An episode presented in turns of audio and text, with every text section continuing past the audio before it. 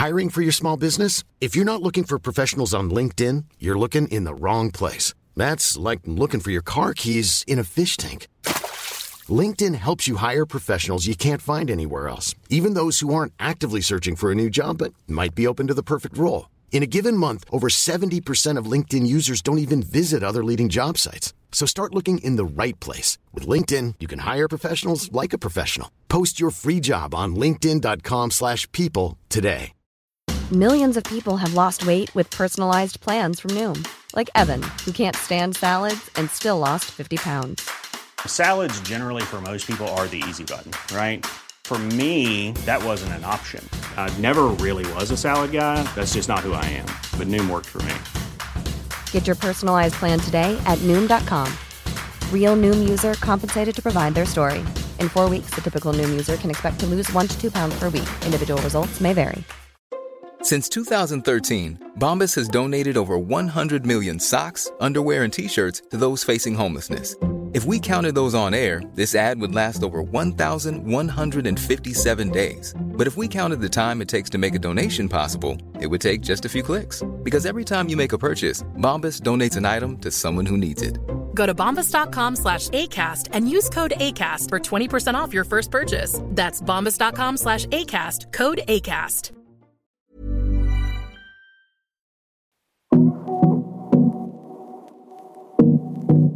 Hej och varmt välkommen till Karriärpodden och avsnitt 301 där jag den här gången möter Anna-Karin Hatt, VD och koncernchef för LRF. Anna-Karin beskriver ofta sig själv som en samhällsförändrare och gränsgångare som flera gånger gått mellan näringslivet, politiken och organisationsvärlden. Hon har bland mycket annat varit IT och energiminister. Hon har varit statssekreterare och chefsförhandlare, vice partiledare för Centerpartiet, stabschef och ledarskribent. Hon har haft tre olika vd-uppdrag, senaste på Almega innan hon kom till LRF. Många av de uppdrag hon har haft kännetecknas av att driva stark utveckling och att vara den första kvinnan i rollen. Det här är ett öppet och förtroligt samtal om Anna-Karins resa som människa och ledare. Om vad som varit de viktigaste grundpelarna och händelserna som har format henne mest genom livet och karriären.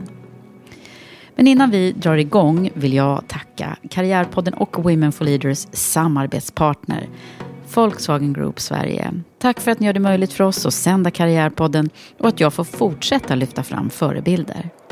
Här kommer nu avsnitt 301 med min gäst Anna-Karin Hatt. Jag heter Eva Ekedal.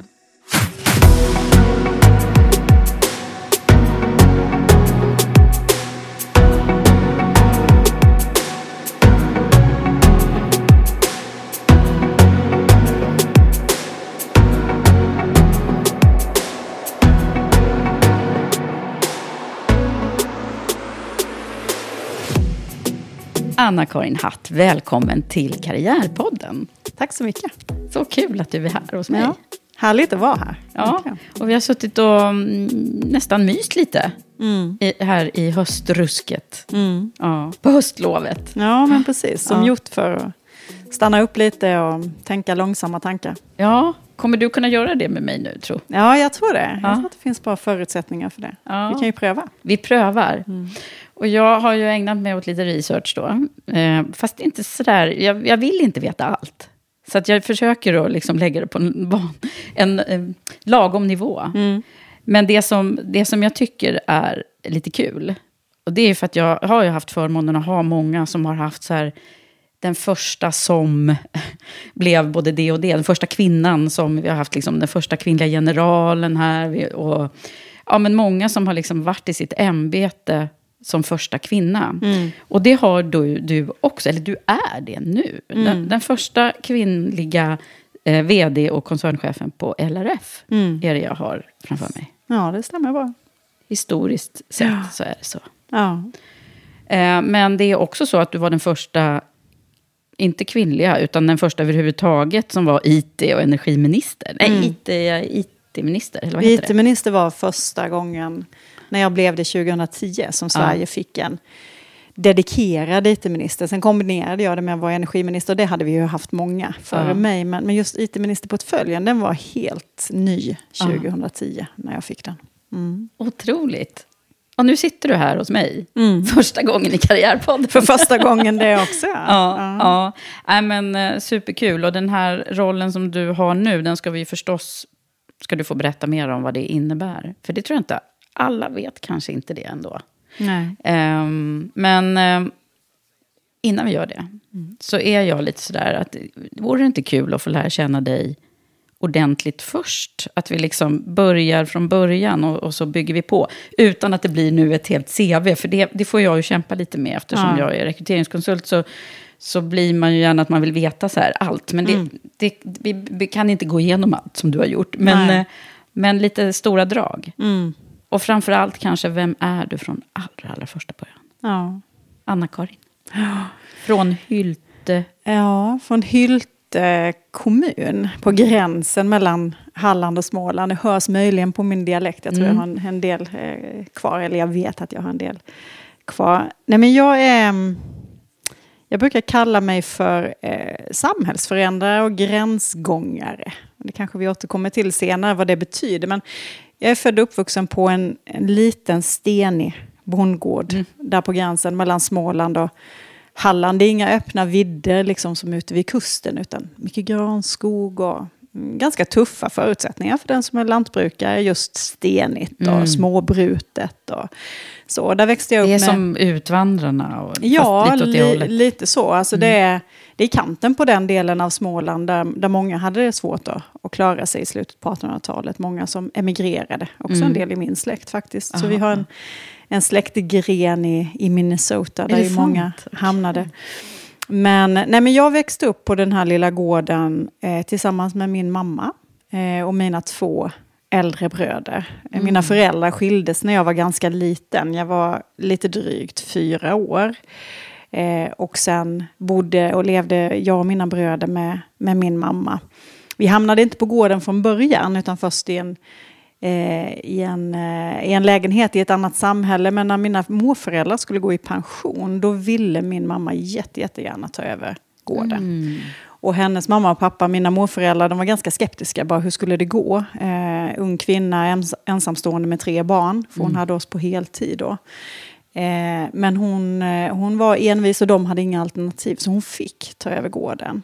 Eh, och det blev liksom ett familjeprojekt. Fastän vi var ganska små. Eh, min äldste bror var tio och, och Anders, min mellanbror, var mittemellan.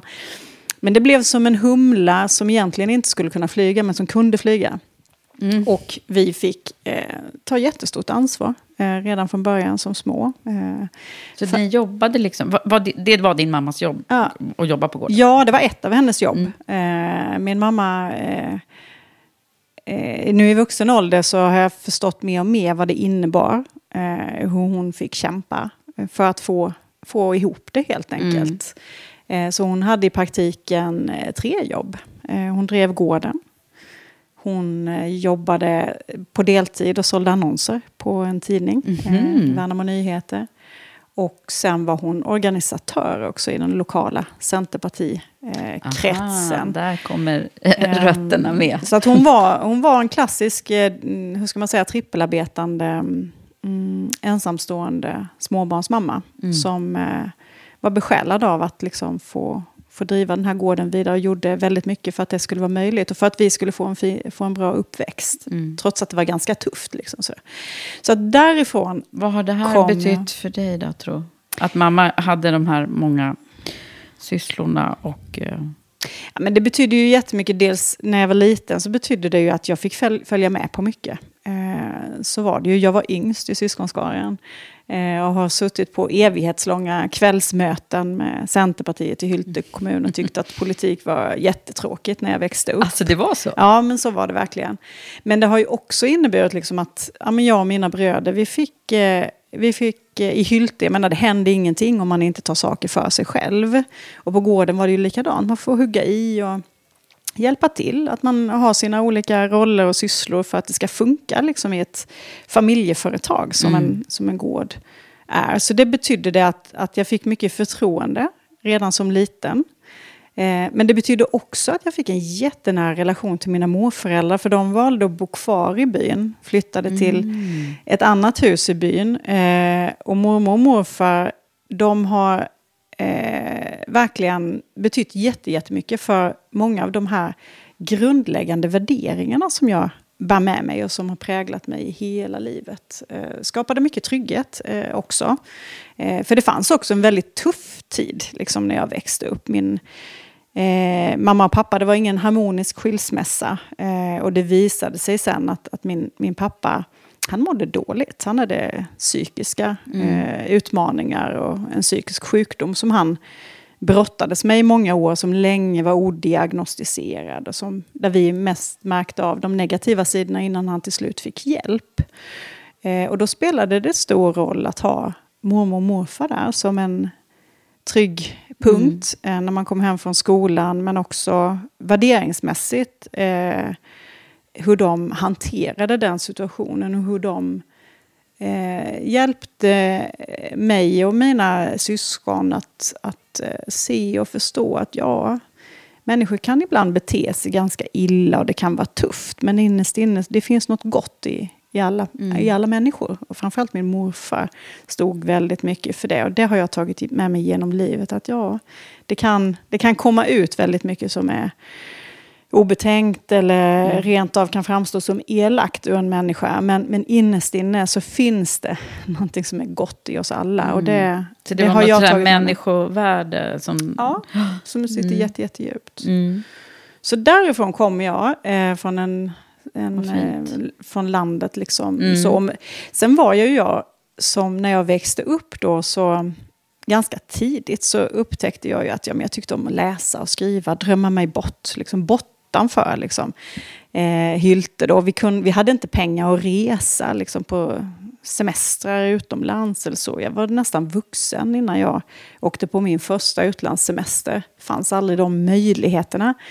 Men jag läste mycket, skrev mycket eh, och var väldigt, väldigt eh, engagerad och tyckte det var kul i skolan att få lära mig nya saker. Så jag, jag, jag fick ju ganska tidigt på känn att jag, jag längtade efter att se världen på något sätt bortom. En längtan. En sån längtan, ja. Eh, sen exakt hur den skulle ta sig ut och te sig ut, det visste jag ju inte. Men, ehm, eh, men det, det blev så att eh, efter gymnasiet och efter att jag hade jobbat några år så, så sökte jag till universitetet och blev den första i min släkt eh, som Som en pluggade på universitetet. Eh, och det, det är ju ganska intressant, för jag är ju född tidigt 70-tal. Mm. Eh, och då, i många andra familjer så har det ju funnits kanske en akademisk generation innan, Mm. innan min. Men så var det inte i min släkt, utan jag blev den, den första där också. Mm. Vad tyckte de runt omkring dig då? då?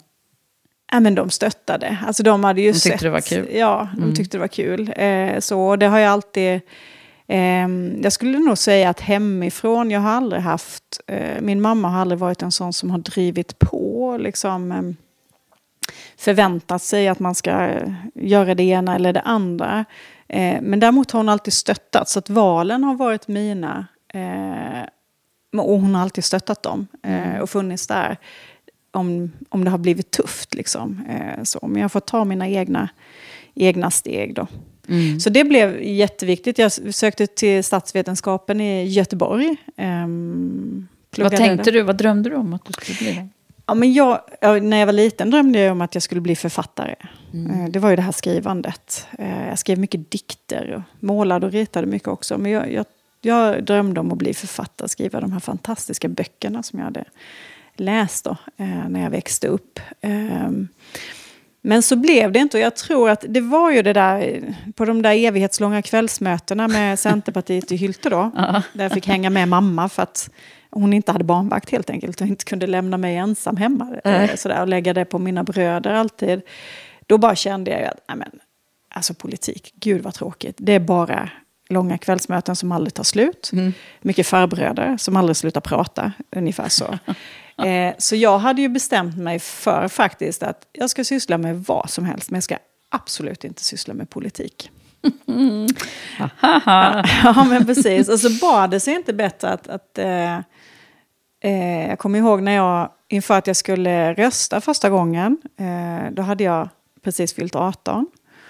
Så eh, hade jag ju den här självständigheten i mig ändå. Jag tänkte, men hur ska jag, vad ska jag rösta på då? Så jag satte mig och läste partiprogram. För jag var ju väldigt samhällsintresserad, tyckte de ämnena var kul i skolan. Så jag satte mig och läste partiprogram. Kanske inte alla, inte liksom yttersta högern och yttersta vänster, men alla där mittemellan.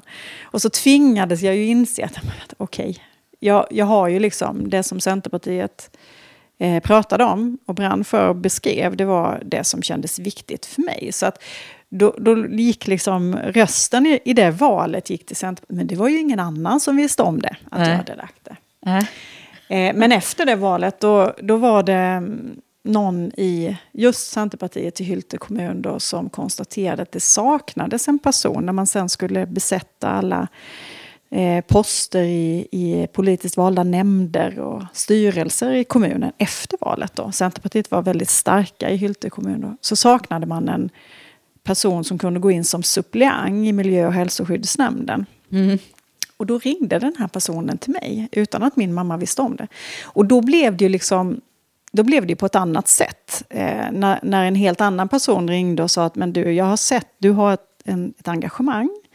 Jag tror att, att, att, du tycker som vi eh, och vi tror att du skulle kunna göra nytta här i miljö och hälsoskyddsnämnden. Eh, så då tackade jag ja. Hur gammal var du då? då? Ja, då var jag ju mellan 18 och 19 mm. År. Då. Så då det var så också... mitt politiska ja. engagemang började. Liksom, kom in eh, ja, i en miljö och hälsoskyddsnämnd. Och sen blev jag aktiv i mm. det som, eh, i Centerpartiets ungdomsförbund och, och började Det är så intressant att höra liksom hur man man kanske blir präglad på något mm. sätt ändå ju mm. ifrån föräldrarna. Som, mm.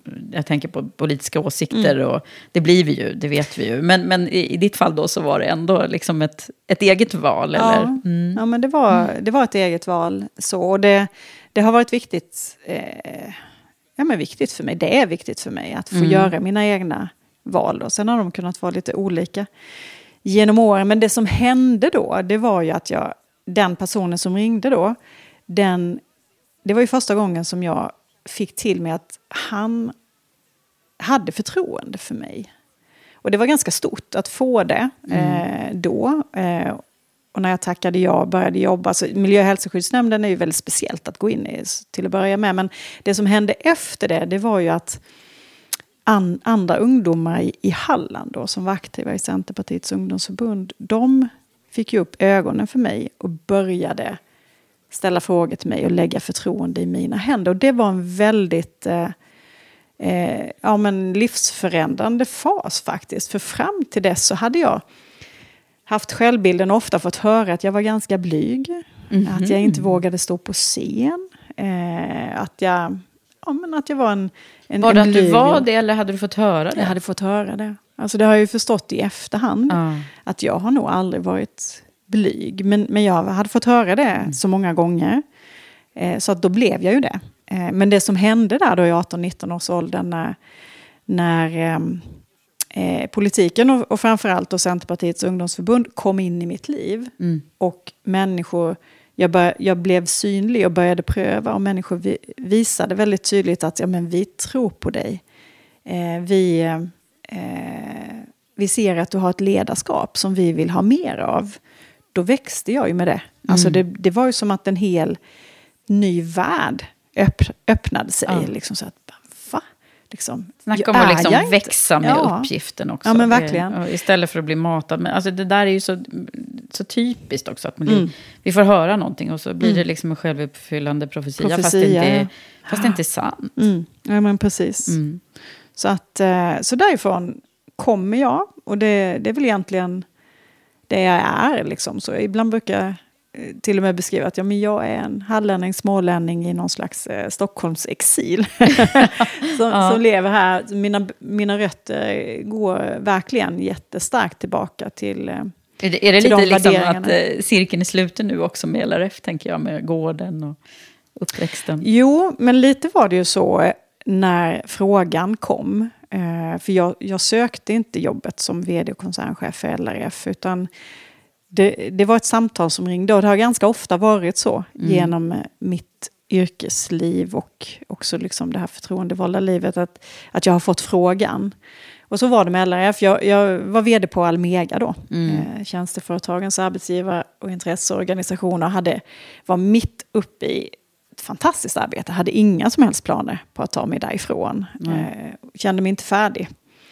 Så, men, men när, eh, när de ringde, eller när rekryteraren ringde och frågade om jag ville vara med i processen, då, ny vd och koncernchef för LRF, så, så kändes det som att nej, men det här kan jag bara inte jag kan bara inte tacka nej till det. För det, det är så mycket, det tickar in i eh, väldigt mycket av det som är mitt driv och engagemang. Men det är också en roll där jag får utlopp för väldigt mycket av det som jag har fått möjlighet att lära mig eh, under yrkeslivet. Mm. Eh, mm. Det är ett stort ledaruppdrag, eh, det är en koncern, eh, det är flera olika djur inom den här koncernen.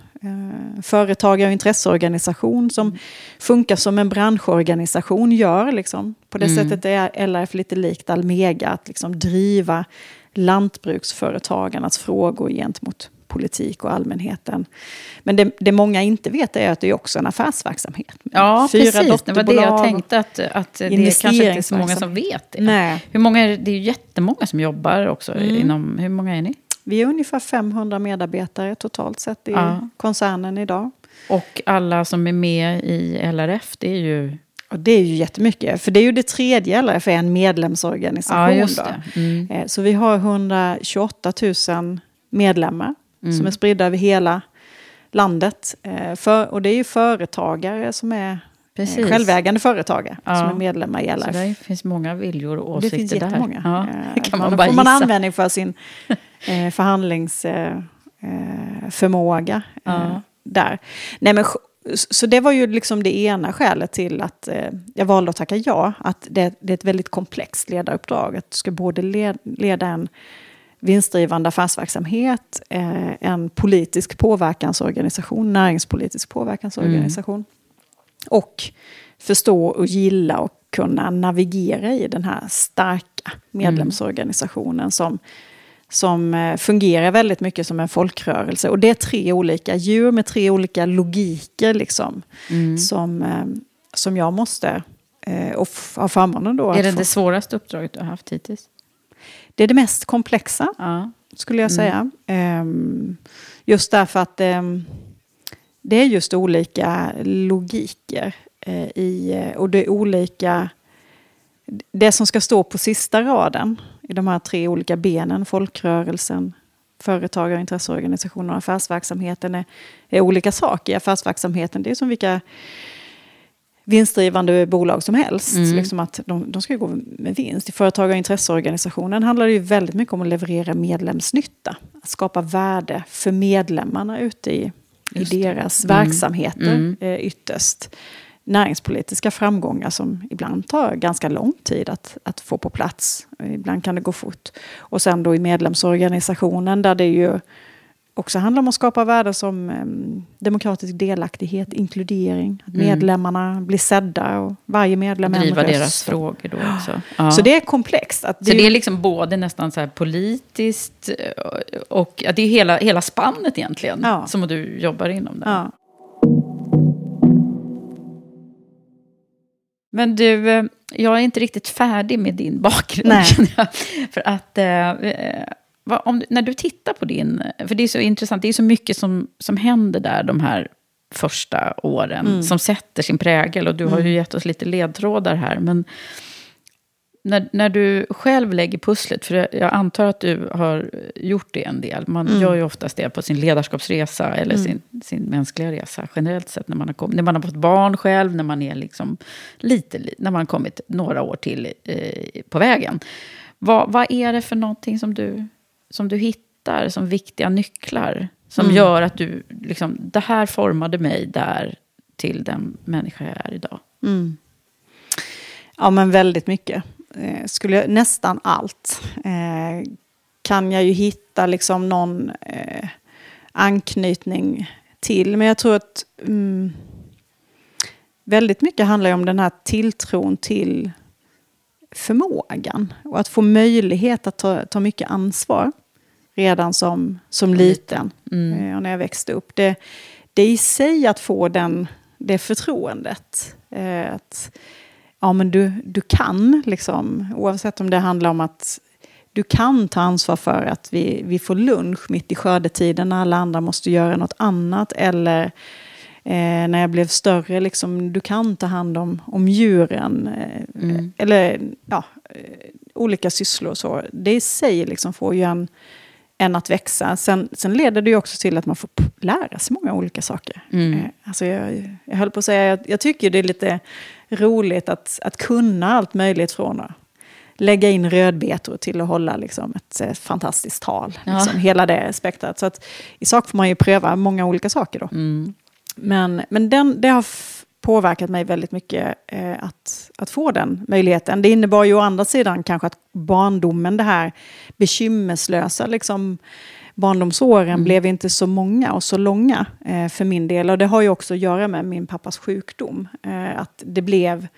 Eh, det, de allvarsamma stråken i livet kom nära väldigt tidigt. Mm. Men nu, nu ligger det så många år sedan och jag har också fått möjlighet att, att bearbeta det och har gjort det själv. Så att idag jag, jag är jättetacksam för de erfarenheter som det gav mig. För det, det innebar ju också att eh, jag tidigt i livet fick span på att um, det finns så mycket som, som man inte vet och inte ser eh, om varandra. Liksom mm. om hur man har det, kanske på hemmaplan. Eh, att människor brottas med olika typer av utmaningar. Eh, och att det i sig kan vara tufft och utmanande men, men också väldigt utvecklande eh, mm. och lärorikt. Att det tvingar en att liksom bottna i, i sig själv. Så. Mm. Så att det är ju två sådana saker som, som verkligen jag har burit Träffade du din pappa liksom under ja, de där åren då? Ja. Absolut. Vi, vi bodde inte hos pappa, men, men vi hade så här helgumgänge ganska ganska länge. Men sen tog det också slut, för det blev för stökigt för runt mm. eh, honom. Mm. Det visade sig, det var först när jag, efter att jag hade fyllt eh, 20, som vi fick veta och som, som vår pappa gav tillåtelse till att vården berättade för oss att han led av schizofreni. Mm. Som hade varit obehandlad under många år. Då, mm. då när, han, när han lät oss veta, då var den behandlad. Eh, långt, långt senare, så, så, för han, han gick bort för 20, ja, mer än 25 år sedan nu. Eh, så han, han dog för att han fick hjärntumörer. Så i efterhand mm. så har vi nog fått veta att det kanske inte ändå var schizofreni. Utan det kanske var de här hjärntumörerna som hade framkallat ett schizofrent beteende. Men när jag växte upp så var det ju eff eh, effekterna. Liksom, ja. eh, att, eh, att han betedde sig som, som en schizofren person kan göra. Mm. Vilket var väldigt tufft att hantera. Men eh, och du var lilla syster ändå. I, mm. i var, det, det, är så kul, för att det, jag har ju jättemånga stora systrar som brukar sitta här. Men det finns också ett gäng lilla småsystrar ja. som, som väljer... Eh, jag har någon tes där, att de blir ofta liksom, väljer modiga vägar och eh, ger sig ut på äventyr och så. Stämmer ja. det? Ja, kanske. Samtidigt som jag undrar om jag egentligen... Jag är ju lilla syster. Eh, liksom bevisligen. Mina ja. bröder är ju äldre än mig. Den ena är tre år äldre och den andra ungefär fem år äldre. Men jag tror inte jag är så typisk lilla syster. Nej. Och jag tror att det har med vår uppväxt att göra. Att, att dels det blev så mycket ansvar och så. Och mm. dels liksom det här runt pappa. Att, att vi har nog, jag har nog också varit mer av liksom ett, ett äldre syskon. Vi tvingades växa upp ganska snabbt. Mm. Uh, så, så att Eh, sen skulle nog mina bröder säga att när vi växte upp, ja men då hade jag klassiska lilla syster eh, tendenser och det, det, hade jag ju förstås. Liksom. Ja. Någonting ska man ju ha när man är, är liten. Men, ehm, men det var väl också så, jag, jag visste ju, gården har ju alltid betytt mycket och landet och skogen, naturen för mig. Men jag visste ju tidigt att jag skulle ju inte bli lantbrukare själv. Liksom. Det, var inte, det var inte där det drog och kallade i mig.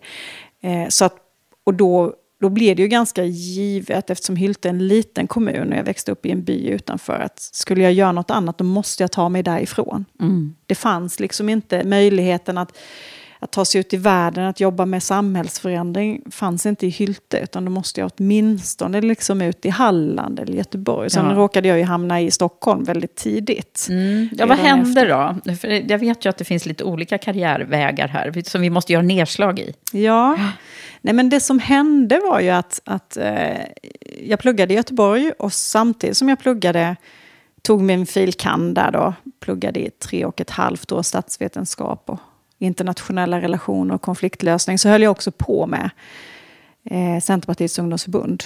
Var aktiv eh, på regional nivå i Halland och var vice ordförande. Gjorde raketkarriär och blev jättesnabbt vice ordförande för hela CUF i hela Sverige. Då. Så det gjorde jag samtidigt som, som jag pluggade på universitetet. Och det var jättehäftigt därför att jag hade ju mitt samhällsengagemang som jag hade i, i CUF då. Och sen kände jag väldigt starkt att jag ville skaffa mig en akademisk utbildning för att skaffa mig liksom en, en teoretisk kunskap kring det här samhällsengagemanget som hade vuxit fram. Hur, hur funkar ett samhälle? Hur bör det funka? Hur ska man bygga det för att det ska bli, inte bara kännas som att det blir bra, utan de facto finnas någon eh, forskningsgrund. Liksom, att ja, men så här bygger man goda samhällen. Så det gjorde jag samtidigt. Och ehm, de här två delarna, så det var ju liksom hela mitt liv. Eh, så på, när jag inte var på föreläsningar så pluggade jag på tåg runt om i landet och så stod jag på scener och höll tal för, för ungdomar. Ja, så långt dem. borta var den blyga eh, flickan. Ja, men precis. Ja, Det, det var, redan, blev ju eh, den här scenförändringen. Och liksom, jag gick ju all in i och, och fick ju möjligheten då, fick mycket förtroenden. Mm. Blev vald till ledaruppdrag. Har, har blivit det sedan 19-årsåldern då. Ja, Sen för det var också en tanke jag hade. Du har ju varit ledare då kan man säga, ända sedan den där gången när de eh, valde in dig Ja. där. Oavbrutet faktiskt har Ja. jag ju haft olika typer av, av ledaruppdrag. Så det kanske är den gröna tråden i mitt liv. Mm, gröna tråden. liksom, ledare. eh, Ja. För, men, sen eh, har du ju varit lite skribent också, Ja, ja, det var jag ju. Det var ju liksom, där fick jag utlopp eh, för, för min skrivandet. författaråda. Det var egentligen eh, lite sidoverksamhet för att skaffa extra inkomster. Eh, så där när jag pluggade, skrev ledare och så. Både Hallands Nyheter och Sörmlands Nyheter. Men det som hände, det var att jag blev sedd igen. Eh, började närma mig liksom att vara färdig på universitetet. Och då, då hade Centerpartiet en vice partiledare som hette Helena Nilsson. Eh, väldigt, ehm, eh, väldigt medveten kvinnlig ledare. Eh, stridbar, trygg, eh, mycket integritet. Hon kom sen att bli både ambassadör i Sydafrika och hon var generaldirektör för Arbetsmiljöverket eh, en period. Eh, men Helena Centerpartiet har ju haft mig- väldigt många starka kvinnor. Ja, men så är det. Mm. Så, är det.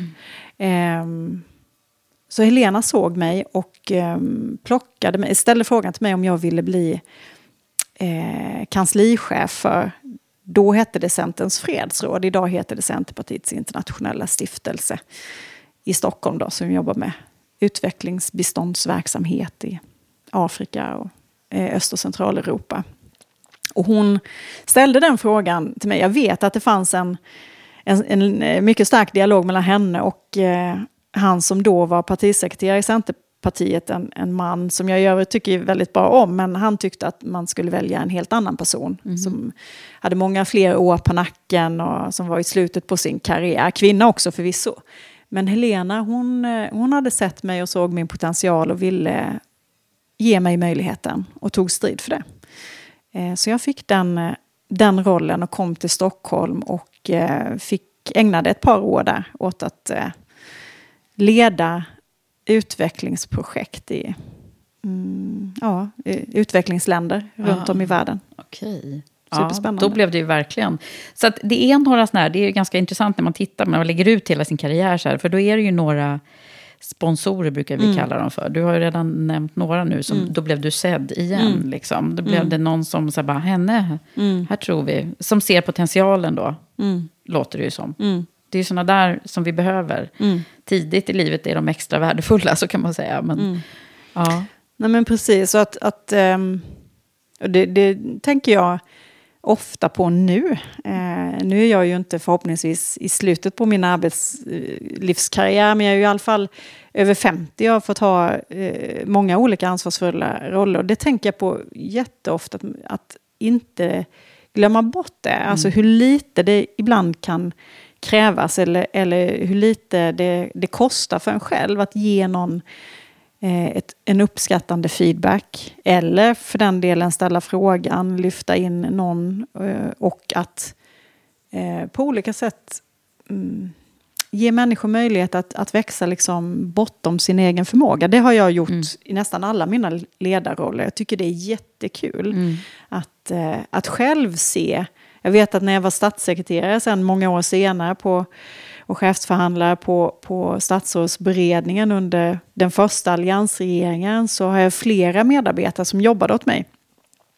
Som, eh, som jag verkligen lyfte fram och som coachade och Eh, gav stora förtroenden. Och jag vet att de ibland tyckte att det var lite läskigt. Att men, kommer jag klara av det här? Mm. Och jag var helt övertygad om att det kommer de att göra. Och det har de återkommit till sen i efterhand.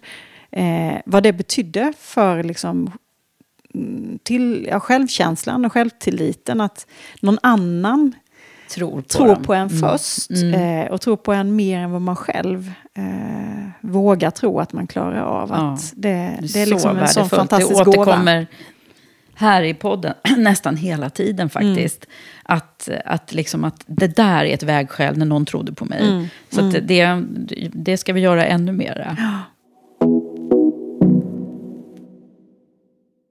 Men du, alltså när man delar in din, kan man dela in din karriär liksom i så här, det politiska livet eh, och näringsliv och ledar i andra sammanhang? Eller går inte det? Har, det går liksom lite omlott mm. ibland också, eller?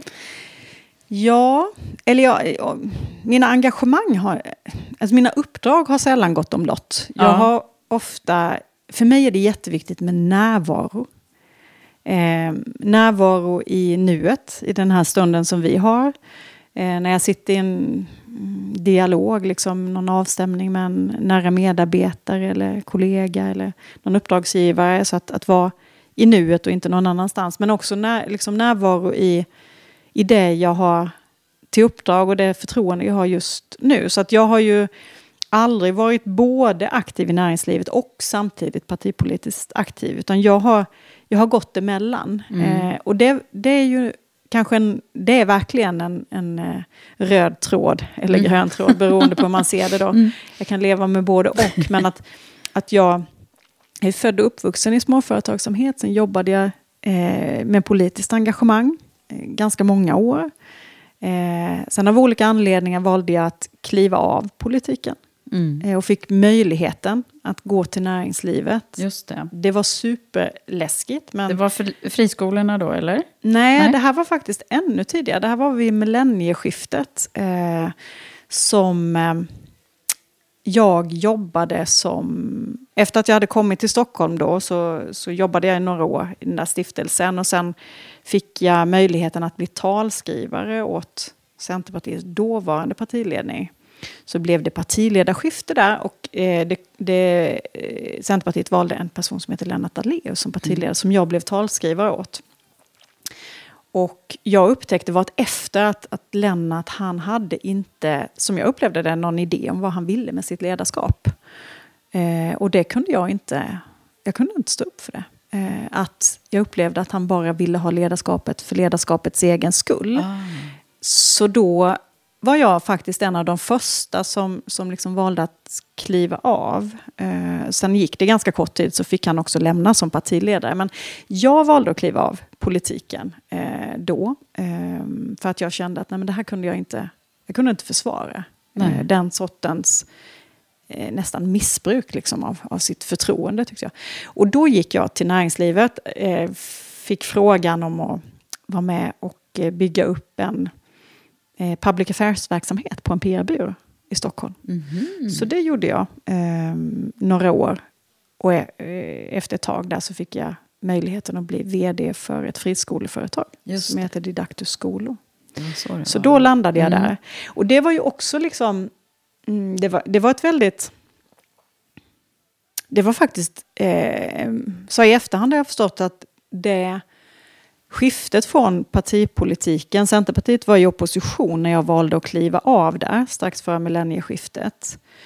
Ehm, och jag gick till näringslivet. Det var ett modigare skifte än vad jag förstod då. Jag fick ganska många kommentarer faktiskt ifrån inte minst manliga äldre riksdagsledamöter.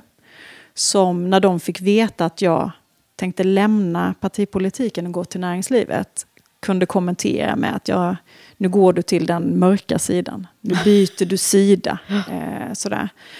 Och, och jag upplevde det aldrig så. Liksom, så därför att det som, det som alltid har varit väldigt starkt i mig, det är liksom det som driver mig, det är mitt samhällsengagemang. Eh, mm. och det är det jag kan se som tråden i allt jag har gjort. att jag är egentligen inte så mycket partipolitiker eller liksom sådär bara företagsledare, utan jag, är, jag drivs av att på de positioner som jag har möjlighet att verka, att vara med och förbättra samhället och utveckla det så att det blir lite bättre för mm. varje dag. Det är mm. det som liksom går igång. Och det kan man göra på väldigt många olika platser. Men, men det är klart, det var ju en, mm, det var ju en stor, eh, hur ska man säga, eh, lite speciellt att få den typen av kommentarer. Och många som sa att ja, men om du nu går till näringslivet då kommer du aldrig kunna komma tillbaka till politiken.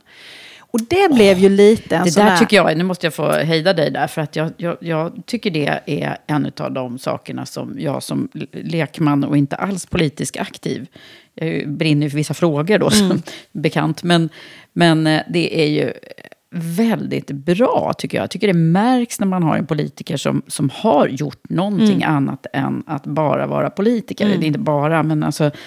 Det, det, blir på något sätt mer verklighetsförankrat mm. för oss som nu jobbar i, i vanliga jobb. Mm.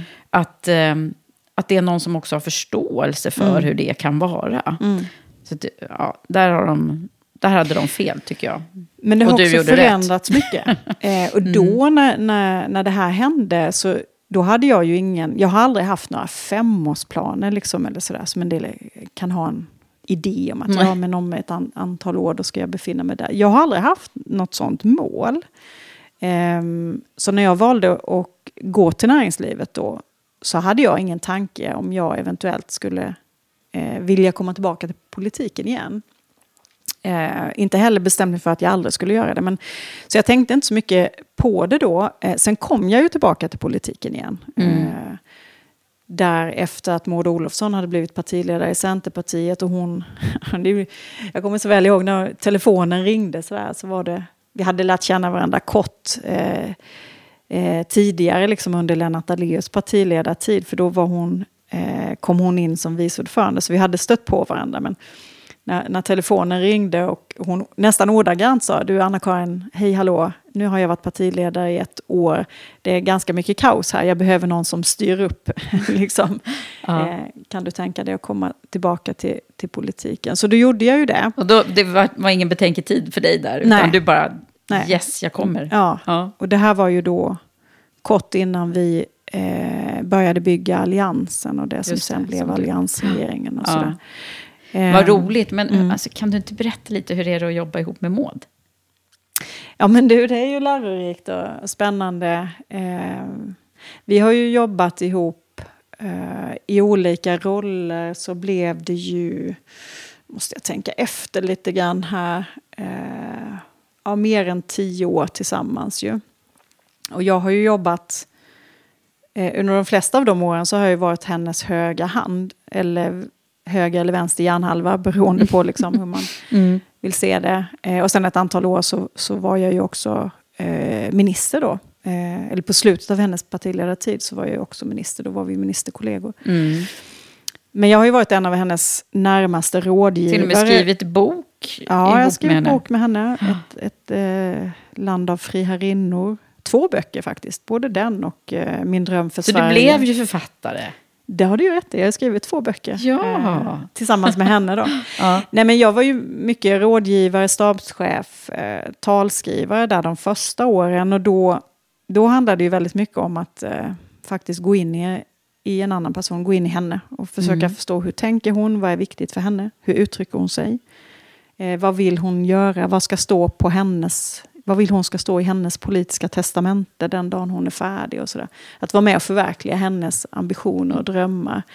Och det, eh, det ställer ju krav på att man är väldigt lyhörd och eh, inkännande och har ganska mm, tunn hud faktiskt. Mm. Eh, och kan ta in en annan person. För att göra det bra i alla fall. Ja. Liksom, så. Hur gick det då? Ja men det gick bra. Alltså Maud alltså, brukar säga att vi är vänner. Ja, vi är ju vänner och håller ju kontakten så att hon har ofta sagt att, att Anna-Karin, eh, ganska ofta så visste du vad, vad, jag ville innan jag visste det själv. Eh, du kunde läsa henne rätt Ja, mm. men precis. Mm. Så att, eh, det har ju varit, men det gjorde ju också att jag, jag kände ju henne väl och var trygg i min roll och kunde erbjuda henne tuggmotstånd. Mm. Eh, också i i det sakpolitiska. Och det blev ju ännu tydligare sen den andra halvan av vårt samarbete när jag blev, eh, efter att alliansregeringen hade tillträtt och vi hade lyckats liksom, få folkets stöd för, för alliansen så blev jag ju statssekreterare och chefsförhandlare för Centerpartiet i regeringen där eh, 2006 till 2010. Och då då förhandlade jag ju på henne, med hennes goda minne och hennes, på hennes förtroende. Hon litade väldigt mycket på dig. Hon litade mm. otroligt mycket på och mm. gav mig, eh, ja, men gav mig jättestort förtroende både i det sakpolitiska och i att bedöma var en kompromiss behövde ligga och också i att hantera förankringen och dialogen med, med Centerpartiets riksdagsgrupp som ju behövde vara med på, mm. eh, på vagnen. Eh, så, så att hon kunde ägna sig åt det som bara hon kunde göra. Mm. Så att det har varit ett väldigt både lärorikt men också förtroendefullt samarbete. Mm. Eh, så.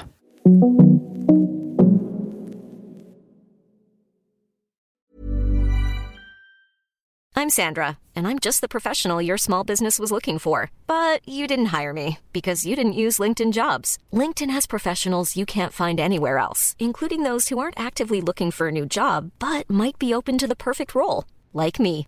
In a given month, over 70% of LinkedIn users don't visit other leading job sites. So if you're not looking on LinkedIn, you'll miss out on great candidates like Sandra. Start hiring professionals like a professional. Post your free job on linkedin.com/people today. Hey, it's Ryan Reynolds and I'm here with Keith, co-star of my upcoming film If, only in theaters May 17th. Do you want to tell people the big news? All right, I'll do it. Sign up now and you'll get unlimited for $15 a month in six months of Paramount Plus Essential Plan on us. Mintmobile.com slash switch. Upfront payment of $45 equivalent to $15 per month. Unlimited over 40 gigabytes per month. Face lower speeds. Videos at 480p. Active Mint customers by 531.24 get six months of Paramount Plus Essential Plan. Auto renews after six months. Offer ends May 31st, 2024. Separate Paramount Plus registration required. Terms and conditions apply if rated PG. Wow. Nice. Yeah. What you're hearing are the sounds of people everywhere putting on Bombas socks, underwear, and t-shirts made from absurdly soft materials that feel like plush clouds. Yeah, that plush. And the best part? For every item you purchase, Bombas donates another to someone facing homelessness. Bombas, big comfort for everyone. Go to bombas.com slash ACAST and use code ACAST for 20% off your first purchase. That's bombas.com slash ACAST, code ACAST. There's never been a faster or easier way to start your weight loss journey than with PlushCare. PlushCare accepts most insurance plans and gives you online access to board-certified physicians who can prescribe FDA-approved weight loss medications like Wigovi and Zepbound for those who qualify. Take charge of your health and speak with a board-certified physician about a weight loss plan that's right for you. Get started today at plushcare.com slash weight loss. That's plushcare.com slash weight loss. plushcare.com slash weight loss. Hey there, it's Michelle Norris. I'm host of a podcast called Your Mama's Kitchen. When I travel, I'm usually looking for a way to find a taste of home when I'm not at home. And one of the things I love to do when I am at home is entertain. And Airbnb allows me to do that. When I was in California recently, I rented a house that had a great kitchen. And when we were sitting around the table, we're all thinking, we're in someone else's house. Someone could be in all of our homes as well. If you have a home, but you're not always at home, you have an Airbnb. Your home might be worth more than you think. Find out how much at airbnb.com/slash host. Men sen var du ju också minister då, som sagt var uh, första IT-ministern där. Mm. Um, och det var då jag hade lite span på dig. Mm. berättade det att då jobbade jag väldigt mycket mer koncentrerat med IT och techsektorn. Så då, mm. då visste man vem du var. Uh, men... Uh, jag tänker också så här, en fråga som, som hänger lite i, i mitt huvud. Det är så här, vad är, vad är det absolut roligaste som du har gjort hittills? I, alltså nu tänker jag karriären. Ja, det absolut, ja, men det absolut roligaste. Jag brukar tänka så här, om någon skulle tvinga mig att leva om en del av mitt yrkesliv en gång till, vilken period skulle jag välja mm. då? Då skulle jag välja eh, skapandet av Alliansen och första eh, mandatperioden och mm. in i den andra. När jag... Första tiden där? När ja, ni... nej, men mm. precis. Därför att det var...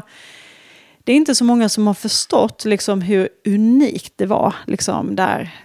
Det började ju vårvintern 2004 faktiskt. När eh, Centerpartiet och Moderaterna, Maud och Fredrik Reinfeldt, jag och Anders Borg på liksom, tjänstemannanivå mm. kom, kom samman och eh, konstaterade att okej, okay, om vi ska kunna få någonting annat än en socialdemokratiskt ledd regering i Sverige. Om borgerligheten någonsin ska kunna komma tillbaka till regeringsmakten igen, då hade Socialdemokraterna suttit vid regeringsmakten tio år. Det var två år kvar på mandatperioden, det kommer att bli tolv år i ett svep där.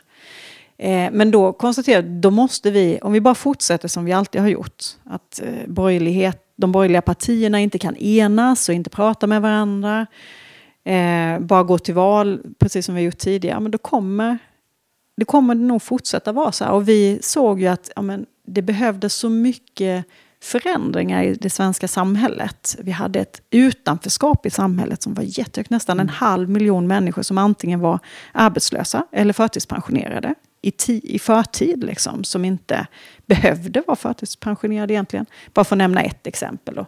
Stora ja, men så här underlåtenhetsskulder. Mm. Eh, så, och när vi kom, kom samman och konstaterade att okej, okay, ingen har gjort det här för, förut. Finns inget politiskt samarbete där man före ett val i Sverige på djupet har satt sig ner och identifierat vad ser vi som de stora samhällsproblemen? Vilka idéer har de här fyra olika partierna som kom att bilda alliansen? Det var ju eh, folk, dåvarande Folkpartiet och Kristdemokraterna också. Mm. Eh, vilka idéer har vi? Och sen både lära känna varandra personligt på djupet och sen då eh, lägga ihop våra olika politiska förslag till ja, men vad är bästa sättet att minska eh, bryta utanförskapet, få fler människor i arbete. Vad är, hur kan vi stärka förutsättningarna för företagsamhet och egen försörjning i Sverige? Och att, att tillsammans liksom göra kompromisser före ett val. Eh, mm. Gå till val på ett gemensamt som program. Som en jättestor, eh, eller som en ledningsgrupps ja, egentligen. Precis. Ja, det hade det, aldrig hänt nej. i Sverige för att det fanns ju ingen, ingen manual, ingen handbok, in, ingen att fråga. Hur gör man detta liksom? Eh, utan det vi ju egentligen gjorde, det var ju att vi investerade i, till att börja med faktiskt, i mänskligt eh, förtroende. Att de här fyra partiledarna och vi som jobbade närmast eh, partiledarna, mm. att vi billigt sätt och nästan bokstavligt tog varandra i hand. Bara att vi tror på att det här kan lyckas. Det kanske inte gör det, men vi satsar på mm. att, det här, att ge det här en ordentlig chans. Och att göra det på riktigt. Eh, så de två åren där fram till valet 2006 så, så byggdes det ju ett otroligt stort eh, förtroende mellan de här partierna som tidigare hade, där det hade varit mycket misstro. Mm. Inte minst mot eh, Centerpartiet. Så faktiskt. det går kan man konstatera. Så det går. Mm. Eh, och att göra det och sen då i sak liksom forma inte en, eh, en gemens, ett gemensamt program som bestod av minsta gemensamma nämnare utan som blev bättre. Där, mm. där delarna att driva blev, förändring blev, på det sättet. Och driva förändring på mm. det, och sen genomföra det i regeringsställning. Mm. Eh, då när vi vann valet. Så det här var en höjdpunkt för dig. Men eh, nu drar jag det till dig personligen också. Ja. Vad, vad, vad, vad gav det dig då? Ja, men det gav mig... Eh, eh det gav utlopp för det här samhällsengagemanget. det är lite, alltså, ibland brukar jag tänka att det är som att spela fotboll. Eller handboll. Jag har spelat mycket mm. handboll när jag växte mm. upp. då. Det är ungefär som att om man tänker sig att, att vara i opposition, det är som att spela träningsmatch hela tiden. Du kan Ja. vara jätteduktig. Liksom, Precis. så, en bra match, och du gör liksom en bra fint och snyggt mål eller en snygg räddning. Men, men hamnar du liksom i... När du väl hamnar i, i regeringsställning, då är det skarpt. Då Läge är det, hela Då är tiden. det skarpt läge hela, hela tiden. Och du får också möjlighet att, att eh, eh, testa om, om det där som du tror på, om det fungerar i verkligheten. Det är ju lite läskigt. Mm. Det är det ju, och det är svårt. Men, eh, men det är otroligt, eh, det är ett otroligt ehm, utvecklande och Så du fick liksom utlopp för samhällsengagemanget ja, på samhällsengagemang. riktigt. Mm. Och ledarskapet förstås. Ja. Eh, för att, det är klart att driva det här svåra, liksom, det, det kan man ju tänka sig med många olika viljor Ja. eh, ännu mera. Men om vi nu, eh, nu styr jag dig lite bort ifrån den, den där stunden. Eh, eller det kanske jag inte gör, det beror på vad som kommer nu. För vad, vad, om, jag- om jag ställer motsvarande fråga, vad är det som har varit tuffast för dig? Mm. Eller finns det situationer, eller vad tänker du när jag säger så? Men jag tänker att, att det finns ganska mycket som har varit väldigt tufft liksom, genom livet, både professionellt och, och privat. Eh, privat så nämnde jag ju det att det började ju redan när jag var liten, där med min pappa. Ehm, professionellt så tror jag att en av mina första riktigt tuffa perioder kom där efter att jag hade fått det här förtroendet att börja jobba i Stockholm och jag fortsatte jobba med ungdomsförbundet eh, och jag fick också mitt första barn. Eh, Jag blev också talskrivare. Jag var väldigt mycket samtidigt. Ehm, och, då, och väldigt engagemangsstyrd. Eh, och valde att tacka ja till väldigt mycket. Och upplevde också att när det går bra och när man eh, är synlig för många så är det väldigt många som gärna ger en förtroende. Mm. Och jag, jag tackade ja till jättemycket. Så pass mycket så att eh, jag vaknade upp en, en morgon och kunde helt enkelt inte gå ur sängen. Eh, Gått in i det som sen liksom har blivit ja. den här, som, all, som många känner, känner till. Men jag var tidigt inne i den berömda väggen. Mm. Eh, och det här var i, i, ja, efter, eh, efter ett val där i slutet på 90-talet. Eh, och den, jag hade turen att komma på fötter ganska snabbt. Jag hade en chef som, som såg och förstod liksom att nu måste Anna-Karin bara släppa allting. Eh, jag fick ett bra stöd också, samtalsstöd, eh, via min arbetsgivare. Och hade en förstående omgivning och så kunde komma på föt- fötter ganska snabbt. Men den erfarenheten, den var ju supertuff då. Jag var ju liksom, jag var ju på väg full fart framåt, hade inte känt minsta tecken och sen bara vakna upp en morgon och bara, jag kan inte Mm. Det gå ur sängen. kan gå fort liksom. Det kan gå jättefort. Eh, men det är en, en erfarenhet som jag verkligen har haft sån stor glädje av. För det, det, fick, det jag gjorde då, det var ju att jag eh, fick lära mig hur, hur mycket kan jag köra på och hur känns det när jag börjar närma mig liksom mitt maximum. Eh, så det är lite som eli- li- elitidrottarna gör också. Eh, och det har jag haft glädje för för mig är det väldigt viktigt att kunna känna att jag kan tillåta mig själv att drivas väldigt mycket av mitt engagemang. Att kunna köra på. Så jag vilar väldigt mycket i den tryggheten att jag, jag vet, jag, jag, känner, nu vet, jag vet ju hur tecknen ser ut när de börjar komma. Så jag har aldrig efter det varit nära. Nej, vad gjorde du Men- då? då? Nej, men jag fattade ett antal beslut efter det. Eh, och ett av dem var ju att skaffa mig ett professionellt förhållningssätt till mitt ideella engagemang. Eh, Det som, för jag hade ju blandat mitt ideella engagemang eh, Apropå det där med när det flyter in. när det flöt Mm. in. Så att egentligen är det liksom tidpunkten där jag bestämde mig för att jag ska inte blanda det. Eh, jag eh, valde ju då vägen att, att jobba ett antal år då med, med mitt engagemang liksom, som drivkraft liksom, i, i det politiska. Men då släppte jag liksom, de eh, förtroendevalda uppdragen på, på kvällstid och sådär. Eh, sen valde jag faktiskt också att, att under ganska många år inte mm, blanda, de människor jag jobbade med umgicks jag inte med privat, utan jag Mm. valde att, att ägna mig åt helt andra Har saker. du hållit i det eller? Nej, det har jag faktiskt luckrat upp Ja, på, på sistone. Ja. Eller inte Finns bara på sistone, men liksom, ju tryggare man blir, Mm. desto mer kan man tillåta sig. Eh, så att eh, jag skulle nog säga de senaste 10-15 åren så absolut, jag har ju nätverk jag har samlat på mig genom Mm. åren. Så jag, men det var för mig blev det lite en sån här trygghetsskapande att sätta lite gränser för mig själv. Mm. Så det här var liksom ett tydligt vägskäl eller Mm. milstolpe som Mm. har påverkat Mm. din framtida, Mm. eller ditt förhållningssätt. Mm. Eh, finns det andra? Jo, men det gör det ju. Ehm, personligt och privat så har det ju varit... ehm, det, ja, det var ju i och för sig en, en, både en personlig... Det var ju en mix av det privata och, Mm. och det personliga som ledde fram till, till det där. Men, men jag, har ju, jag har ju haft ledaruppdrag hela tiden. Mm. Sen jag var 19. ehm, fått tre barn under den där tiden också. Eh, men jag har också, tyvärr, eh, skulle jag säga, eh, varit igenom ett par skilsmässor. Mm. Som ju är... Ja, men de är ju, de, det är ju å ena sidan väldigt tufft att hantera samtidigt som man har ansvarsfulla ledarpositioner. Men det är ju också...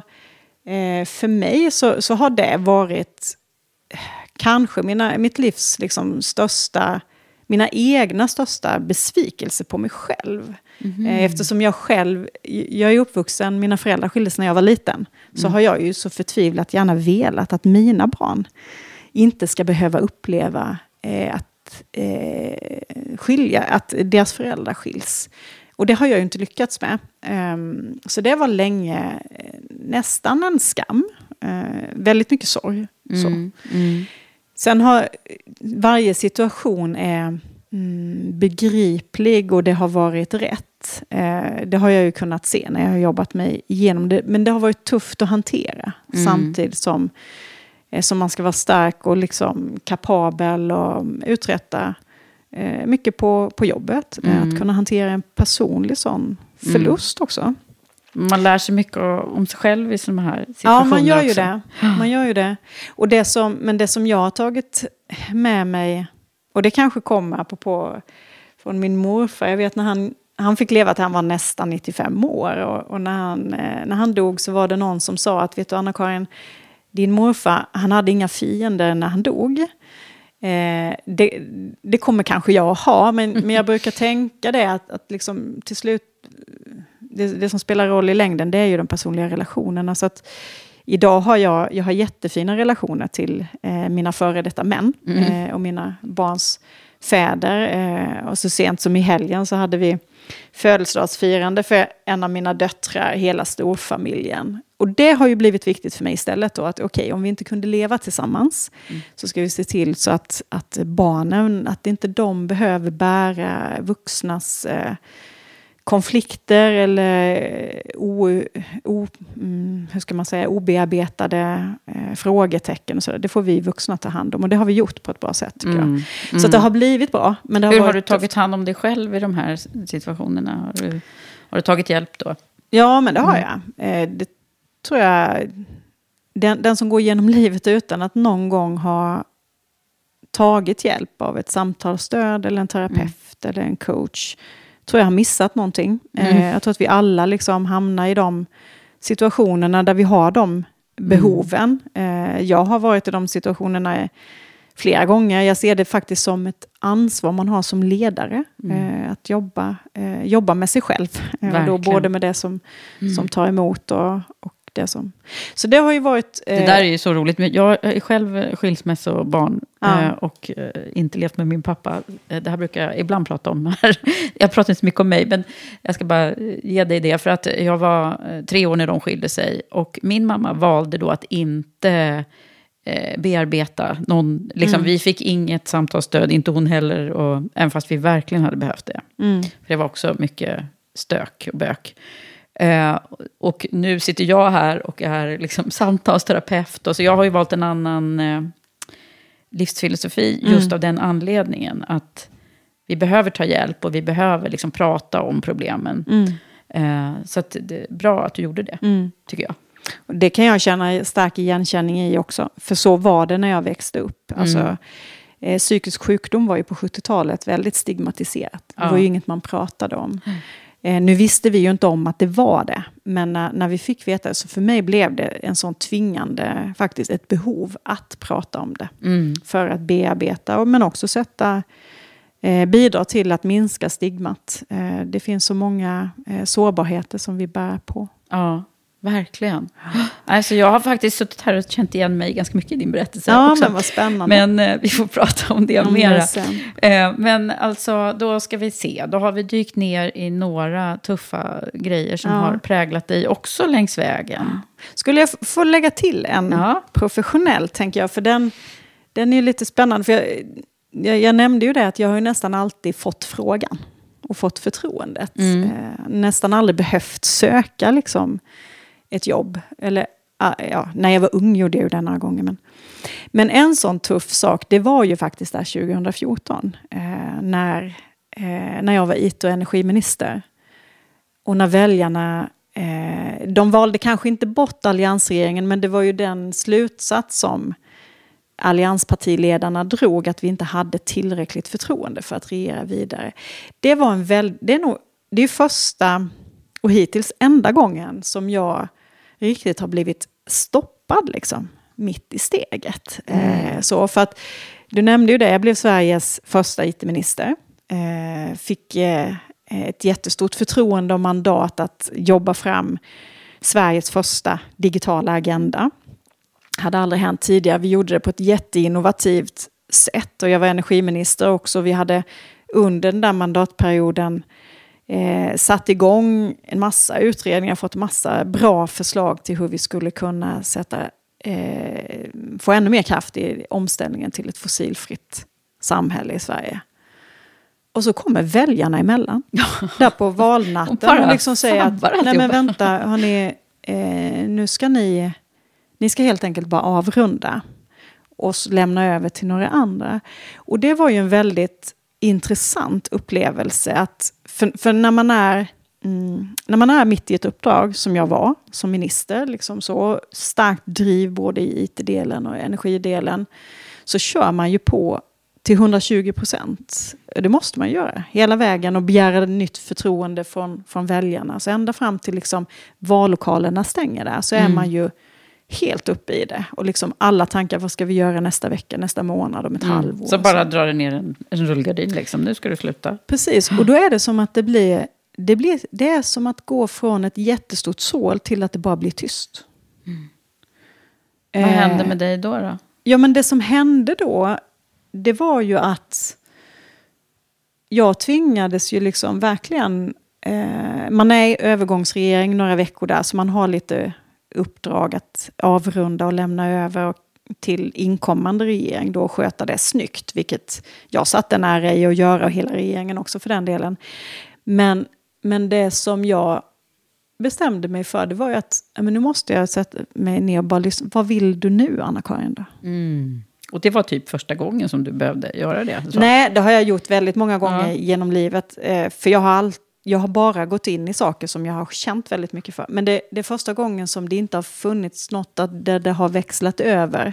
Mm. Att där det har gått sömlöst. Jag har oftast varit i ett uppdrag, så jag har fått frågan om ett nytt, så har jag kunnat kliva Mm, av. det har gått och- liksom naturligt, men här, här behövde du tänka till lite. här tog det bara slut. Jag visste inte, okej, jag hade ju kunnat fortsätta, gå tillbaka, i, fortsätta med politiken i opposition eller Mm. göra något helt annat. Och då eh, bestämde jag mig för två saker. Det ena var att låta det ta lite tid. Mm, att, att våga vara i det där vakuumet som uppstår. Liksom. Mm. Och att inte tvinga mig själv att för snabbt landa i en slutsats. Jag landade snabbt i och för sig i slutsatsen att jag inte ville jobba i opposition i politiken. Så den, den känslan kom till mig ganska snabbt, att börja spela träningsmatch efter att liksom, Mm. ha spelat match på riktigt. Ehm, det trodde inte jag att jag skulle vara så bra på, att göra om saker jag, går jag liksom inte riktigt igång på. Jag vill göra nya Mm. saker i så fall. Mm.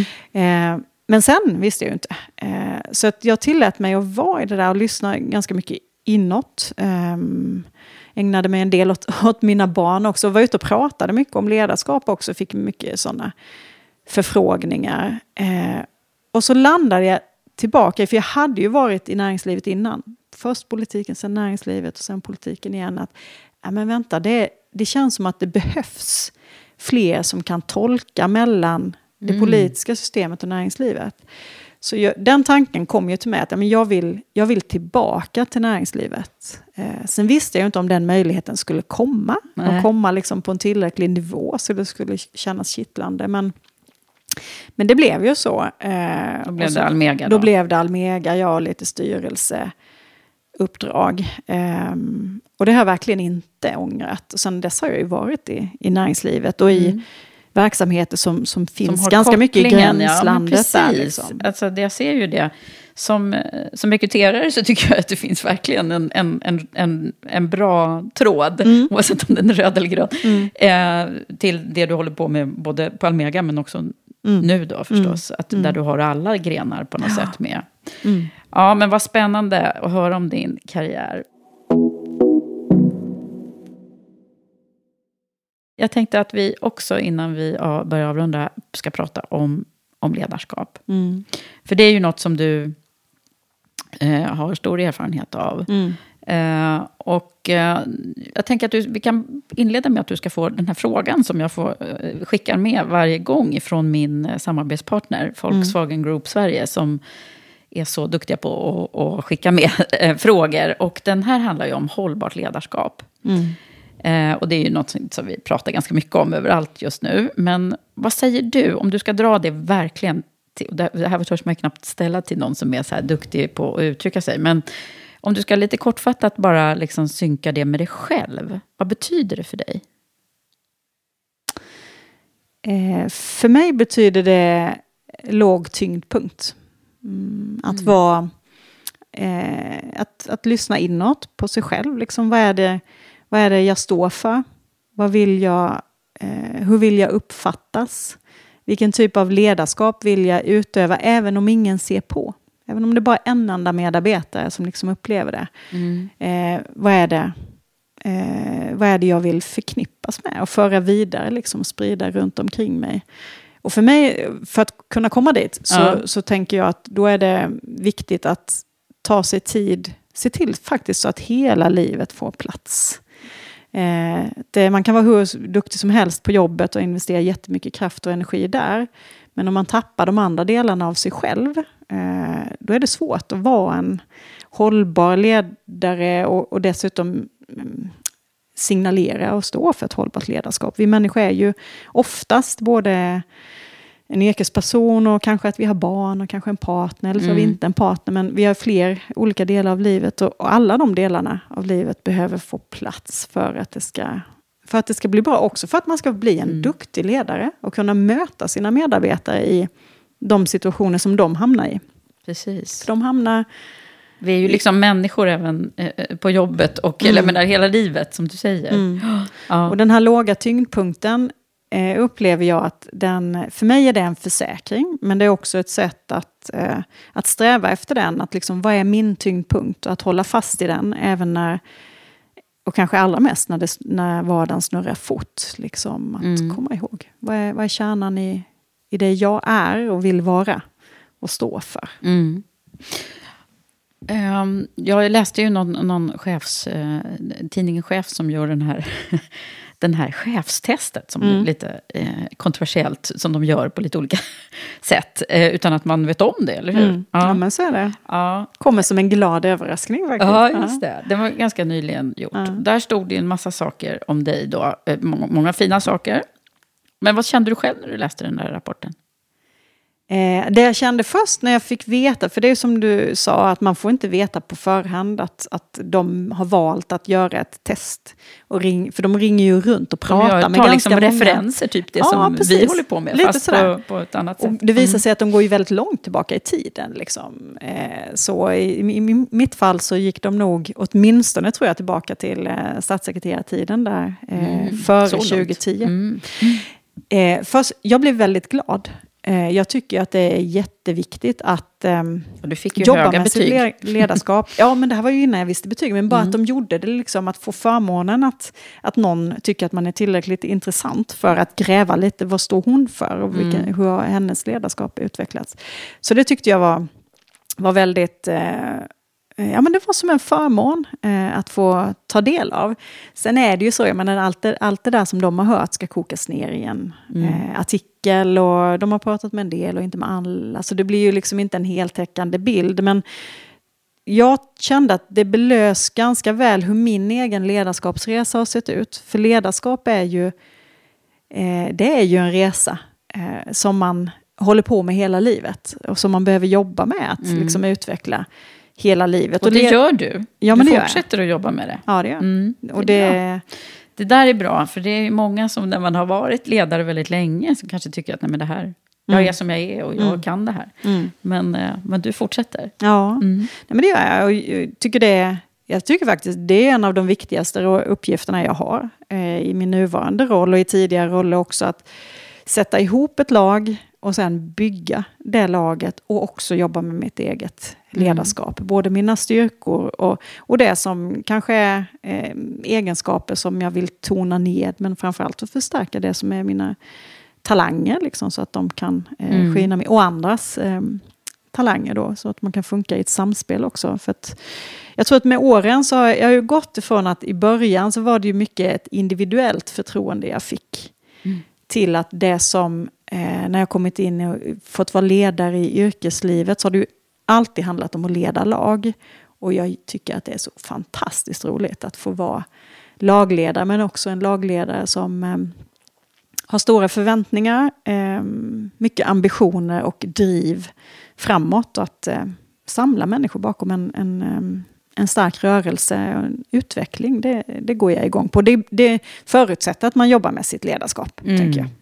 Ja, men alltså jag, jag, sitter och, jag har tagit några citat ifrån det där. Där, där står det ibland att hon är snabb i tanken, vill förändra och stannar ofta inte särskilt länge på ett, på ett och samma uppgift eller jobb. Eh, hon har en otrolig arbetskapacitet, står det också. Jag har aldrig sett något liknande, säger en person. Mm. Mm. Det låter som det, det, det är mycket som händer runt omkring Mm. dig. Liksom. Det är mycket driv. Det är mycket driv och mycket närvaro. Alltså den kombinationen skulle jag säga är Mm. nog mitt trick. Att jag har mm, driv och engagemang men också fokus på det som vi håller på med Mm. just då. Så att jag inte är ute och sladdar för mycket i kanterna. Å andra sidan så, så skulle jag säga att jag har ju också en, en engagerad popcornhjärna. Så att det föds mycket idéer. Eh, och jag fångar liksom mycket idéer som, som andra runt omkring mig kommer med, koppla ihop dem och gör mönster och sådär. Eh, men, eh, men jag tycker ju det. Alltså, det, det om man har fått möjligheten att, eh, eller fått förtroendet att ha mycket ansvar, makt, jag är inte rädd för det ordet, men att, att ha makt eh, och möjlighet att påverka och egna förmågor och talanger, liksom, då tycker jag att man har en skyldighet att bidra med det till sin Mm. omvärld. Eh, så det är väldigt mycket det jag drivs av, att, att eh, eh, ja, bidra med det jag kan för att en verksamhet ska utvecklas eller Mm. samhället ska bli åtminstone lite bättre än vad det var Ja, dagen precis. före. Så. Och du, nu är du den första kvinnan då på den här positionen. Det är ju- var ju inte en dag för Nej. tidigt. Eh, vad, vad säger vi nu då? Alltså jag, jag, vet, jag vet lite vad du, vad du brukar prata om när det gäller jämställdhet. Att, för att jag har forskat i det. Ja. Men vad, vad, vad har du för något medskick eh, kring eh, jämställdhetstankar generellt sett? Mm. Jag skulle ju säga att två saker. Å ena sidan så har jag ju varit mån om i alla mina roller att våga hålla fast vid att rekrytera på kompetens. Och det, jag har ju rekryterat både kvinnor och män liksom så genom åren. Eh, nu råkar det vara så att, att just i LRFs ledningsgrupp, vi är en kraftfull majoritet kvinnor. Och det beror inte på att jag har bestämt mig för att det ska vara så, utan att kvinnorna kommer ut så mycket starkare liksom, Mm. i nästan varje rekrytering. Så att vi har nästan det omvända utmaningen att tänka på så att vi inte får en för, för stor slagsida så att vi bara blir kvinnor. Mm. Så ena sidan, och det tror jag det är ett samhällsfenomen, att tjejerna är så kunniga och drivna. Och vi kan se det i skolan också, i betygsresultat. Så jag tror att det här kommer bli någonting man får jobba med i samhället Mm. framåt. Att se till så att killarna inte halkar efter eh, för mycket. Och vad krävs för att de ska kunna utvecklas. Mm. Där har vi ju inte varit tidigare. Men det är liksom det ena. Det andra är ju att eh, jag har jag vet inte om jag inte har sett det eller om jag bara har varit eh, förskonad från att råka ut för alldeles för mycket liksom, nesligheter och liksom, behandling av, bara för att jag är kvinna. Men jag förstår ju att det finns. Eh, och jag tycker det är otroligt viktigt att vi som, som är kvinnor som har fått möjligheter och förtroenden och positioner faktiskt stöttar och lyfter fram och peppar eh, de kvinnor som är på väg mm. uppåt. Och det försöker jag tänka på, att det behöver ju inte alltid vara att man erbjuder en, en, ny roll eller sådär. Det krävs ganska lite. Jag kan komma ihåg tidigt i min karriär när jag fick en positiv feedback, kanske en handskriven hälsning på ett eh, korrespondenskort som någon gjorde sig omaket att skicka hem till mig. Eller för den delen den där första frågan när någon trodde på mig. Mm. Eh, för det där första riktiga jobbet, att det, det betyder så otroligt mycket. Eh, och det, det tror jag är viktigt, för det å ena sidan så, så sitter liksom värdering om jämställdhet kanske mycket mer i vårt samhälle idag. Samtidigt så ser det ut som det gör på våra yttersta ledande positioner. Både i mm. börsbolagens styrelser och när det gäller vd på de börsnoterade ja, ja, bolagen så går ju det, åt, det åt fel håll. Eh, så att eh, mm. jag tror att det är det som händer liksom den nya generationen tjejer och kvinnor som kommer.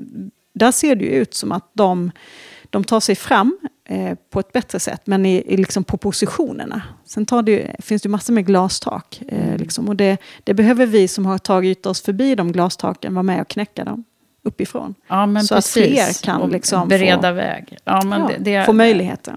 Helt rätt. Mm. Bra där. Speech.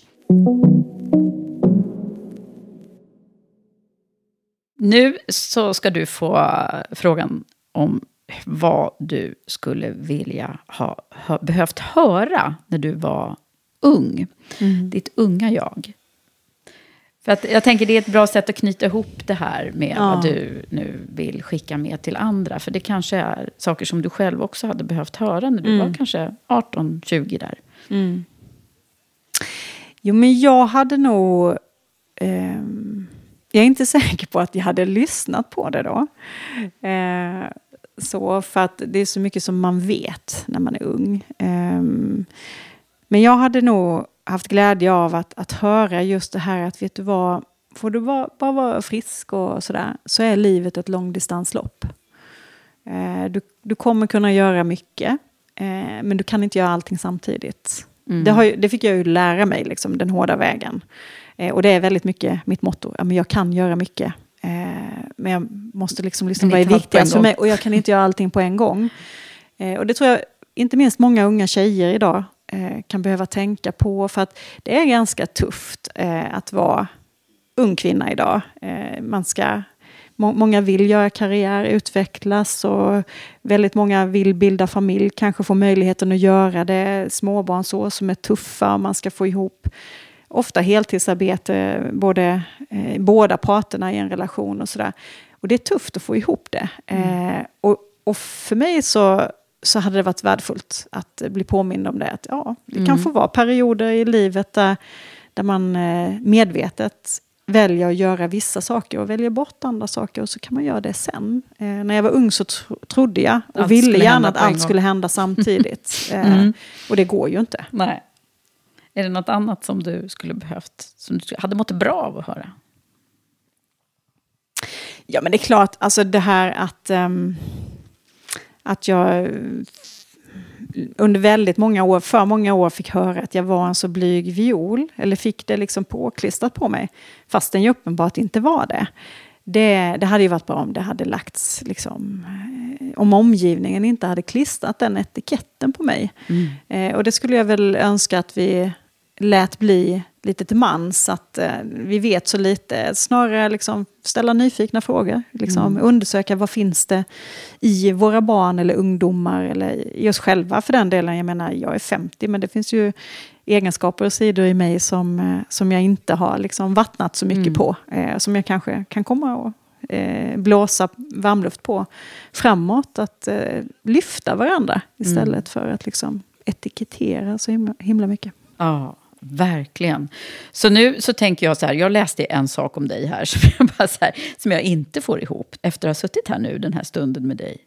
Sveriges farligaste kvinna skrev mm. Aftonbladets ledarsida och utnämnde dig till när du tydligen som Almega-chef gick till attack mot fackförbundet Fastighets strejkplaner. Just det. Men det var ju så här, det, den där rubriken, Sveriges farligaste kvinna, jag tänkte oj, ja. ska jag ha henne här i stolen? Men det känns inte som jag har haft Sveriges farligaste kvinna, men kanske modigaste och på många sätt andra, engagerande. Ja. Mm. Stridbar. Stridbar. Eh, och engagerad. Mm. Ja. Och jag tror att det var där, jag blev Eh, jag kommer ihåg, det var en ledarskribent i, i Aftonbladet där när jag var vd på Almega i, som i stridens hetta, det var avtalsrörelse och eh, ett fackförbund som tänkte gå ut i strejk eh, mot eh, en del av Almegas medlemsföretag. Då, så att, eh, och Aftonbladet står ju ofta på fackens sida. Så han, han tog ju till lite överord. Jag blev ganska överraskad själv ja. när jag vaknade den där morgonen. Jag tänkte, vänta, vad är det jag inte vet om mig själv? Eh, och det kan jag ju i och för sig eh, tycka att det är ett stort ansvar man tar på sig som i det här fallet då en, en, en manlig ledarskribent med position som når ut. Jag menar Aftonbladet läses ju av hundratusentals personer varje dag. När man väljer att använda den vokabulären så, mm. så förskjuter man liksom samtalsklimatet i samhället. Så det, det i sig är ganska bekymmersamt. Sen fäster det inte så mycket på mig, för jag vet att det där är inte jag. Jag tror att det som fick honom att gå igång, eh, för han har skrivit ett par ledare till. Jag har aldrig träffat honom faktiskt i levande Nej. livet. Det är också spännande ja. att, att någon väljer att skriva så, om en fastän man aldrig har setts. Eh, det skulle jag själv aldrig göra. Men jag tror att det är det här engagerade, stridbara, kraftfulla. Att vänta, hallå, här har mm. Almega en vd som, som har eh, ambition och kraft och kan få med sig sin organisation att, att åstadkomma saker som låg i våra medlemsföretags intresse och kanske mindre i de fackliga organisationernas mm. eh, intresse. Men det här är ju ganska intressant, för man undrar så här, hade det stått samma sak om, det hade varit, om du hade varit en man? Ja, det tror jag inte. Nej, exakt. Mm. Um, ja, nu ska vi inte gå in där, för vi hinner inte det. Mm. Men Anna-Karin, det har varit så roligt att ha dig här. Tack för att du har delat med dig av ditt liv och din karriär. Tack så mycket. Tack.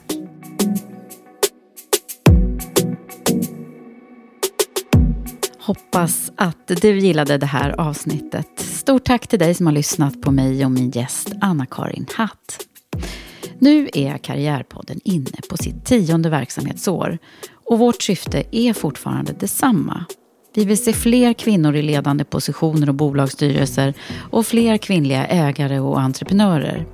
Vi jobbar i alla våra verksamheter, Women for Leaders, Karriärpodden och EQ Executive Search, med att driva utvecklingen mot ett mer jämställt och hållbart näringsliv genom nätverk, ledarskapsutveckling, rekrytering och genom att lyfta fram inspirerande kvinnor vi möter längs vägen och genom att lyfta fram de ämnen som möjliggör ett jämställt arbetsliv och ett modernt ledarskap.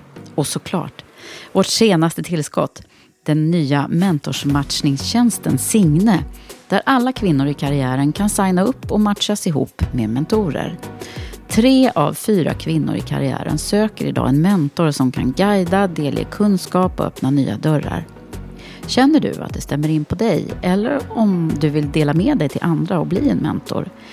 Klicka dig in på signe.co och läs mer. Så se till att följa oss nu i sociala medier och prenumerera på podden och dela gärna avsnittet och podden om du gillade det. Det gör oss så glada. Men det var allt från mig och Karriärpodden den här gången. Men vi hörs snart igen.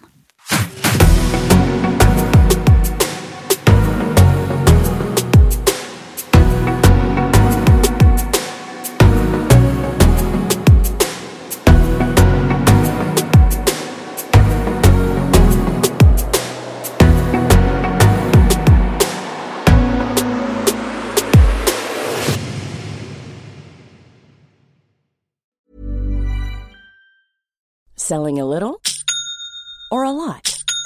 Shopify helps you do your thing however you cha-ching. Shopify is the global commerce platform that helps you sell at every stage of your business. From the launch your online shop stage to the first real life store stage, all the way to the did we just hit a million orders stage. Shopify is there to help you grow. Shopify helps you turn browsers into buyers with the internet's best converting checkout. 36% better on average compared to other leading commerce platforms because businesses that grow grow with Shopify. Get a $1 per month trial period at shopify.com/work. shopify.com/work. Traffic jams, tailgating, pileups. Ugh, the joys of driving. How could it get worse? The federal government wants to have a say in what you drive. That's right. The Biden administration's EPA is pushing mandates that would ban two out of every three vehicles on the road today. Don't let Washington become your backseat driver. Protect the freedom of driving your way. Visit EnergyCitizens.org. Paid for by the American Petroleum Institute.